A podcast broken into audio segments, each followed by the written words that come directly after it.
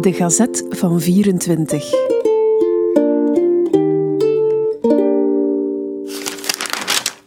...15 februari 1924. Maandag is Edison 77 jaar geworden.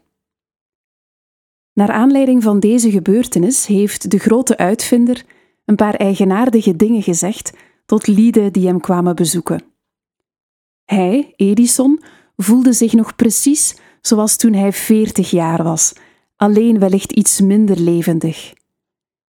Hij verwachtte nog wel een jaar of tien te zullen leven, daar hij zijn lichaamsmachine niet schade door haar vol te proppen met meer voedsel dan nodig was om de voortstuwende kracht op te wekken. Edison zeide niet te geloven dat de radio ooit de gewone telefoon en telegraaf zal verdringen. Evenmin zou de luchtvaart ooit de treinen en stoomboten vervangen.